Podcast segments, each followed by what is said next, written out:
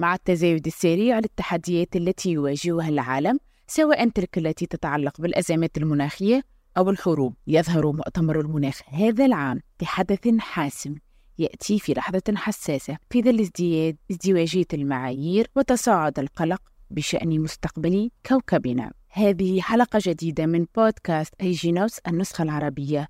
التابع شبكة الصحفيين الدوليين. في هذه الحلقة سنستعرض معا تحديات مؤتمر المناخ بالنسبة للصحفيين فإن مسؤوليتهم لا تقتصر فقط على نقل الأحداث بل تتعداها إلى توجيه الضوء نحو التدابير الفعالة ومراقبة التنفيذ الوعود التي تعلن في مثل هذه المؤتمرات الدولية. في هذه الحلقة سنستضيف مجموعة من الضيوف المميزين.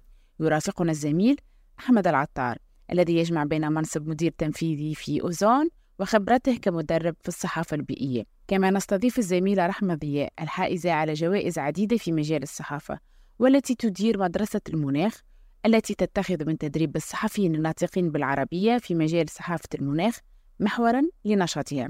ضمن هذه الحلقة أيضا سنتحدث مع الزميل إيهاب زيدان. المدير التنفيذي لمنصة المهاجر الرقمية التفاعلية حيث يلقي الضوء على قضايا اللاجئين والمهاجرين وعلاقتها بالمناخ في الشرق الأوسط وشمال إفريقيا. من خلال تجاربهم وخبرتهم سنسعى معا لمناقشة كيفية تعزيز دور الصحفيين في نقل الرسائل بشكل أكثر فعالية في مجال صحافة المناخ. نحن ممتنون لاستماعكم لهذه الحلقة. نتمنى أن تكون هذه الحلقة دليلا مسموعا مفيدا لكل من يحتاج في عالم الصحافة سواء كانوا صحفيين محترفين أو أصحاب مشاريع إعلامية ناشئة أو صناع محتوى بيئي. نحن هنا لنقدم لكم تجارب قيمة وأفكار عميقة حول كيفية تحسين التغطية الإعلامية لمواضيع المناخ في كوب 28 نشكركم ونشكر ضيوفنا الكرام ونبدأ بأول سؤال. ما هي الاستعدادات الضرورية التي يجب على الصحفيين والصحفيات اتخاذها لضمان تغطية موثوقة وشاملة لفعالية كوب؟ في مجموعة من الخطوات والتحضيرات محتاج أي صحفي إن هو هيغطي مؤتمر الكوب إن هو يعملها قبل آه، ما يسافر أو قبل ما يبدأ عملية التغطية سواء كان هيغطي بشكل وجاهي أو هيعمل تغطية عن بعد آه، منها على سبيل المثال إن محتاج إنك تبقى عارف تاريخ المؤتمر ده آه، من أول ما بدأت المفاوضات والاتفاقيات الاتفاقيات المرتبطة به زي الاتفاقية الإطارية للأمم المتحدة الخاصة بتغير المناخ أو اتفاقية باريس لأن المؤتمر في كل سنة بيبقى بيراقب التطورات اللي حصلت ومدى التزام الدول الأطراف بتنفيذ التعهدات اللي اتفقوا عليها. كمان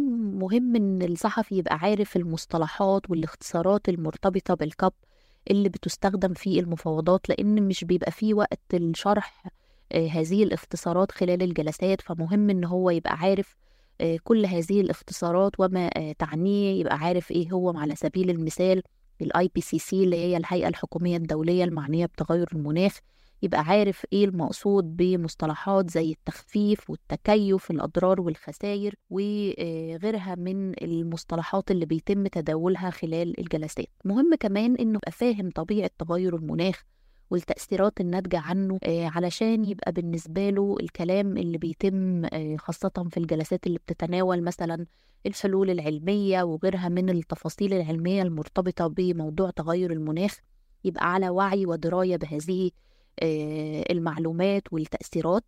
مهم كمان إن هو يبقى عارف إيه اللي تحقق في الكوب اللي فات وإيه هي الأجندة بتاعة المؤتمر الكوب الحالي؟ يعني لو هنتكلم على كوب 28 مهم يبقى عارف إيه اللي حصل في آه، كوب 27 اللي استضافته مصر في آه، مدينة شرم الشيخ. يبقى عارف على سبيل المثال إن تم الوصول لاتفاق تاريخي خلال هذا الكوب وهو الاتفاق على إنشاء صندوق لتمويل الأضرار والخسائر وتعويض الدول الأقل مساهمة في الانبعاثات علشان تقدر إن هي تتكيف مع الخسائر والأضرار اللي تعرضت ليها. آه، نتيجة للانبعاثات اللي بتقوم بها الدول الصناعية الكبرى. مهم كمان يبقى عارف الأجندة الخاصة بالكوب الحالي وأبرز الملفات اللي هيتم آه، مناقشتها. مهم كمان إن يبقى في إعداد لخطة للتغطية. وهيركز على إيه؟ لأن المؤتمر آه، بيكون ممتد على مدار أسبوعين بيكون على مساحة جغرافية شاسعة بيتم عقد عشرات الجلسات والفعاليات بالتوازي فبالتالي الصحفي ما يقدرش إن هو يغطي كل حاجة فمحتاج إن هو يبقى عارف خطة التغطية بتاعته. هل هو مهتم على سبيل المثال آه، بالتغطية الخبرية وتغطية الجلسات والقرارات اللي هتطلع؟ مهتم إن هو يبقى بيتابع المفاوضات اللي بتتم ويعرف المستجدات الخاصة بالمفاوضات أول بأول؟ مهتم إنه يعمل آه، فيتشارات ولقطات إنسانية ويتجول بين القاعات والأجنحة ويعمل لقاءات وحوارات مع الأشخاص المشاركين من مختلف دول العالم وإيه الرسائل اللي حابين يوصلوا لها. مهتم إن هو يعمل تغطية علمية فبالتالي هيركز على الجلسات العلمية اللي بيشارك فيها الباحثين والخبراء. آه، فمهم قبل ما تسافر آه، المؤتمر ده تبقى عارف بالظبط أنت عايز تعمل إيه ومحدد أهدافك كويس. آه، كمان لو أنت صحفي فريلانسر بتتعاون بشكل حر مع منصات محتاج تبدأ تتواصل بشكل مسبق مع منصات النشر وتبعت لهم اقتراحات أولية علشان تبقى عارف برضو أنت هتعمل إيه خلال المؤتمر. أو حتى لو أنت صحفي ضمن آه، فريق إخباري محتاج إنك تبدأ ترسل المقترحات لرئيس القسم علشان تبدأ تتفق معاه على محاور التغطية وهتركزوا على إيه. كمان محتاج تتواصل بشكل مسبق مع المصادر اللي هتشارك في المؤتمر. وترتب معاهم لقاءات لأن جدولهم بيكون مزدحم خلال المؤتمر. فمهم تحاول توصل لهم عن طريق لينكد إن أو عن طريق الإيميل حسابات المؤسسات اللي بيشتغلوا فيها وتطلب منهم تحديد لقاءات تبعت لهم الأسئلة عبر الإيميل. ده هيسهل عليك عملية التغطية خلال فترة المؤتمر. كمان مفيد إنك تنضم لمجموعات الصحفيين الخاصة بالتشبيك والدعم وتبادل المعلومات اللي بتكون على الفيسبوك أو على واتساب. علشان تقدروا تتبادلوا المعلومات وتساعدوا بعض خلال فترة المؤتمر. آه، مفيد كمان إنك تجهز خلفيات معلوماتية آه، هتحتاجها خلال التغطية. شكرا. كيف يمكن للصحفيين والصحفيات تحديد القصص الرئيسية والمواضيع الهامة في إطار المؤتمر؟ آه، في قصص رئيسية ومواضيع هامة طبعا خلال المؤتمر بتقدر تعرفها من خلال الأجندة الخاصة بالمؤتمر اللي بتنشر على موقع اليو إن إف سي ال section الخاص ب COP 28 تقدر تحمل الأجندة وتختار إيه المواضيع المهمة بالنسبة لك على حسب آه، إيه هي الخطة بتاعتك في التغطية زي ما اتكلمنا قبل كده وحابب إنك تركز فيها على آه، جوانب خاصة بالمؤتمر سواء تغطية المفاوضات آه، تغطية الأيام الموضوعية الرئيسية تغطية لقطات و featureات من خلال جولاتك في المؤتمر تغطية الجلسات الخاصة بطرح الحلول وال النقاشات العلمية الخاصة بتغير المناخ. فكل دي موضوعات انت اللي بتحددها على حسب اهتمامك وعلى حسب المنصة اللي أنت بتشتغل لحسابها كيف يمكن للصحفيين والصحفيات التعامل مع الضغط الزمني وتقديم تقارير دقيقة وموثوقة في وقت قصير. التعامل مع الضغط الزمني وتقديم تقارير دقيقة وموثوقة في وقت قصير هو تحدي كبير آه، ومحتاج تجهيزات إحنا اتكلمنا عليها في آه، وقت سابق آه، علشان تقدر إنك تقدم التغطية الدقيقة محتاج تكون محضر نفسك بشكل مسبق زي ما اتكلمنا. محضر خلفيات معلوماتية فيها آه، أرقام وإحصائيات هتستعين بيها آه، وده يفضل إنك تعمله قبل ما تسافر لأن مش هيبقى فيه وقت مع الضغط عشرات الجلسات بيتم عقدها في وقت واحد. فبالتالي التغطية بتكون سريعة ويفضل إن يكون في فريق متعاون مع بعضه بحيث إن الصحفي اللي بيغطي آه، يكون في صحفي آخر بيعاونه. آه، على آه، عملية التدقيق وإضافة الخلفيات والمعلومات لو هو ما عملش ده بشكل مسبق. فبالتالي كل ما في فريق متعاون كل ما كانت التغطية أدق طبعا. وكمان محتاج إن يبقى في عملية تدقيق من المنصات وجهات النشر سواء من مدققين المعلومات أو الأقسام الخاصة بالمراجعة والتحرير. يعطيك الصحة والعافية رحمة والآن المرة الإيهابي اللي باش يحكي لنا أكثر على الهجرة وعلاقتها بالمناخ وبالكاب وأيضا باش يقدم لنا أهم النصائح آه، بحكم خبرته الكبيرة جدا في الموضوع هذا. آه، بداية خلينا نعرف مين هم المهاجرين البيئيين أو المهاجرين المناخيين. باختصار المتعارف عليه هم أي شخص أو مواطن اضطر إن هو يغادر المنطقة اللي هو عايش فيها لمنطقة تانية سواء داخل حدود البلد اللي هو عايش فيها أو خارج حدود بلده آه لأسباب لأسباب بيئية أو مناخية. بمعنى آه، من أشكالها يعني آه، إن مثلا آه، التصحر تصحر الأرض الزراعيه اللي هو بيزرع فيها فبالتالي هو فقد مصدر رزقه فهو بيهاجر لمنطقة تانية بحثا عن مصدر رزق. من أسبابها برضو ممكن الحرائق بتدمر النظام الأيكولوجي. وكمان من أشكالها برضو الفيضانات. إزاي إحنا كصحفيين نشتغل على موضوعات الهجرة المناخية أو الهجرة البيئية؟ إحنا في في منصة المهاجر بنشتغل على موضوعات خاصة بالهجرة المناخية داخل أفريقيا وبنربطها بمنطقة شمال أفريقيا والشرق الأوسط. للأسف الأرقام مرعبه والبيانات ضخمة. آه، لذلك أعتقد إن الصحفيين حاليا عليهم دور كبير وهم إن هم يحاولوا آه، يرصدوا يعملوا تقارير وقصص وموضوعات بشكل أكبر في الجانب ده. بس ضروري جدا إن هم يعتمدوا على آه، مصادر سواء مصادر بيانات أو أرقام اللي هيحصلوا عليها تكون مصادر موثوقة ومدققة وما ياخدوش وما ياخدهاش من على لسان خبراء بدون تحقق أو تدقيق فيها وما ياخدوهاش من مواقع غير موثوقة أو دراسات علمية تكون المعامل معامل التأثير بتاعها آه، ضعيف آه، علشان يكون متأكد إن آلية جمع البيانات وال data تكون دقيقة بشكل كبير جدا. آه، فيما يتعلق بتغطية آه، COP آه، بتغطية ال- ال- الصحفيين والإعلاميين ل COP طبعا آه، محتاجين الأول إن كل واحد يسأل نفسه سؤال أنا هطلع بإيه من COP؟ لأن COP بيكون في ممثلين لثلاث جهات هي الحكومات اللي بتروح تتفاوض بشكل رسمي بينها وبين بعضها.